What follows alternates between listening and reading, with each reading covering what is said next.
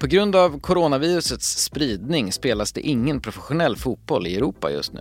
Alls. Senast fotbollen ställdes in på samma skala var under andra världskriget och några inställda fotbollsmatcher gör kanske ingen större skillnad, tänker du. Men faktiskt har den uppskjutna professionella fotbollen enorma sociala och eh, ekonomiska konsekvenser.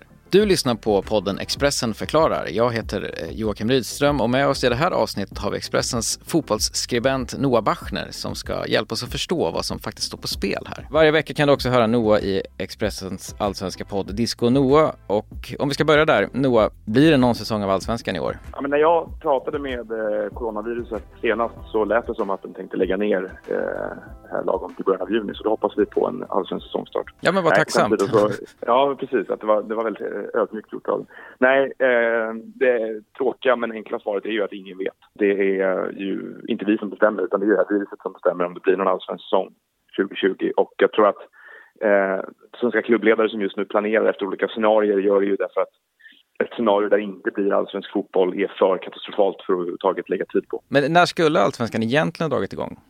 Den skulle ha börjat den 4 april och eh, det är ju bara att glömma. Men sen är det också så här, fotbolls-EM som skulle ha spelats i sommar, den genomförs istället garanterat inte. Det skulle ha genomförts i flera europeiska länder, men nu är uppskjuten då till nästa sommar. Var det beslutet väntat?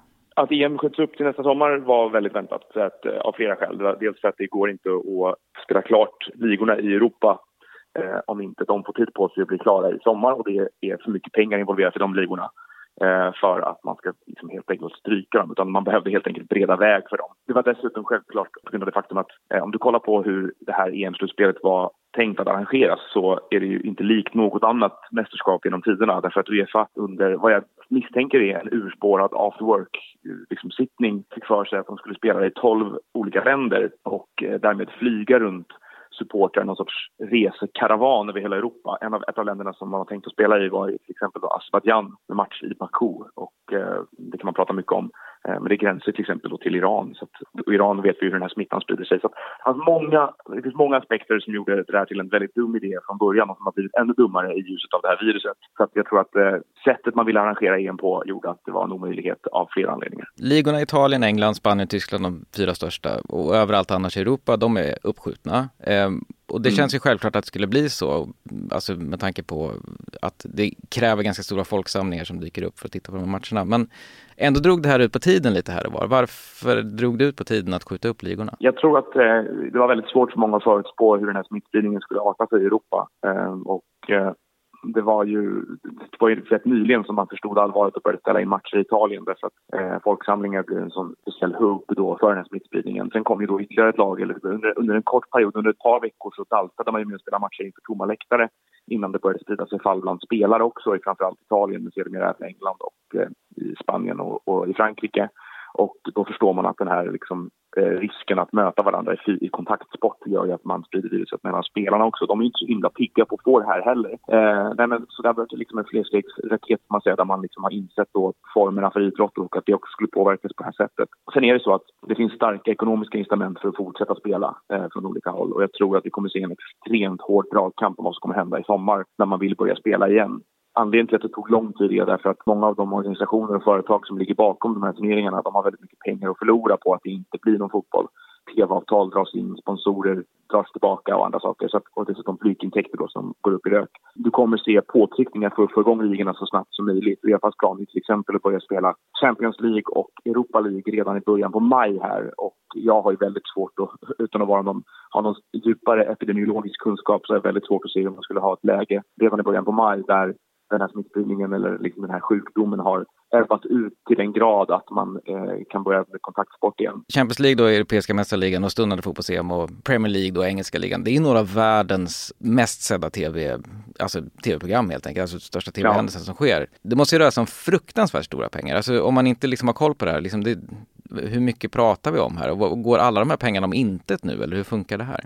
Alltså det, och det är det som är den stora frågeställningen. För det, vad som väntar är också blodiga juridiska tvister om allt det här. Det, det, exakt vilka summor vi pratar om, jag kan, inga, eh, jag kan inte siffrorna för de är, varierar från år till år. Men om du klumpar ihop tv-avtalen och eh, sponsorintäkterna och publikintäkterna och de andra intäktsströmmarna så pratar du mång, eh, mång miljardbelopp såklart. Och eh, världens största idrottsekonomi, den europeiska fotbollen.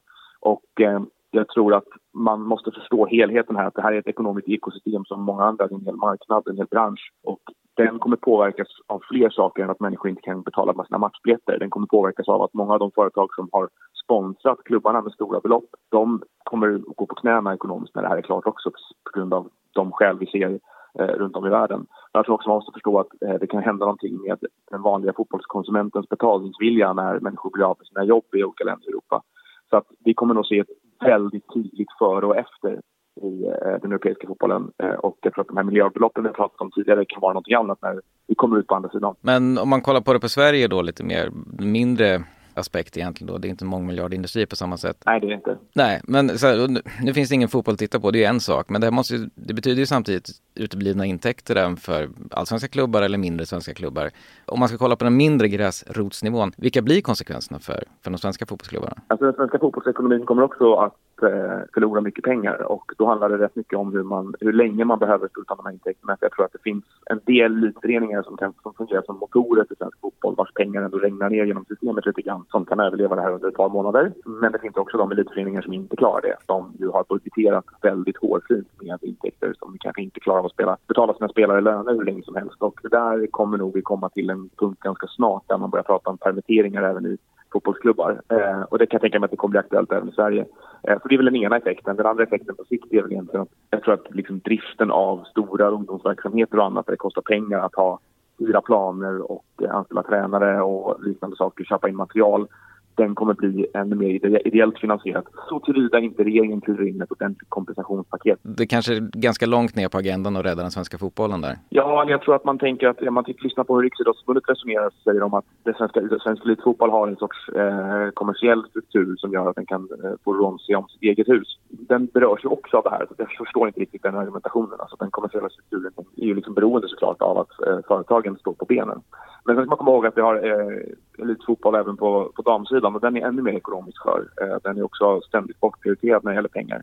Och eh, jag tror att där kan konsekvenserna bli ännu mer ödesdigra. Jag tror att där kan man, eh, där liksom ännu färre spelare har råd att leva på fotbollen och eh, ännu mindre pengar finns i omlopp så kan konsekvenserna bli ännu mer kännbara. Kan man inte också tänka lite så här, fotboll är väl ganska oviktigt i det här fallet. Om jag inte bryr mig överhuvudtaget om fotboll, varför behöver vi ens tänka på att prata om det här? Det är väl viktigare att bara stoppa smittan och hoppas på det bästa. Ja, precis. Men så kan man ju resonera om nästan alla delar av samhället. Samma sak som man pratar om då, vem ska eller varför ska vi eh, rädda kulturinstitutioner i ett sånt här läge som vi också drabbas väldigt hårt. Eh, och då kan man fråga sig vilken roll fotbollen spelar till exempel, eller all idrott spelar i samhället. Och jag tillhör en av dem som vet vilken stor roll idrott i synnerhet, eh, eller i allmänhet och fotboll i synnerhet kan spela i människors liv. Eh, det är ju en, en, social plattform och en kontaktpunkt, en knutpunkt som är helt unik egentligen. Om man talar om massa andra, vad man kallar för, meningsskapande aktiviteter som vi människor håller på med så finns det ju ingen som liknar fotboll i termer av att den är så gränsöverskridande och så tryggande och att den ger människor ett betydande sammanhang, att man liksom får en uppgift att utföra och man får en gemenskap där man kan röra sig mellan punkt A och B. Och på det sättet så tror jag att det är en otroligt viktig länk i våra samhällen, idrotten som helhet, att eh, föreningsengagemanget i svenska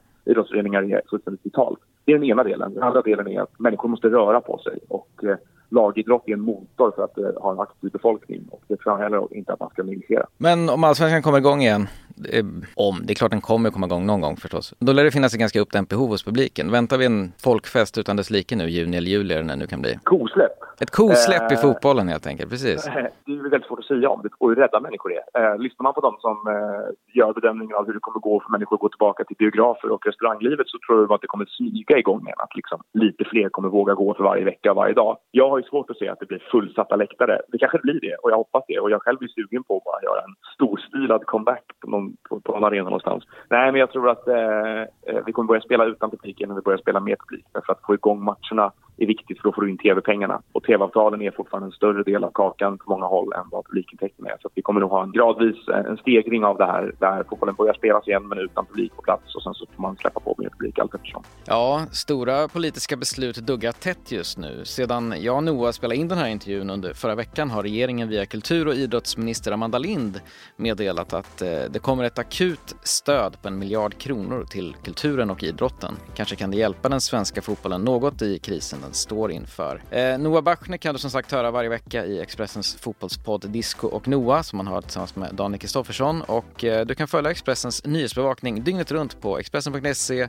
i appen och i Expressen TV.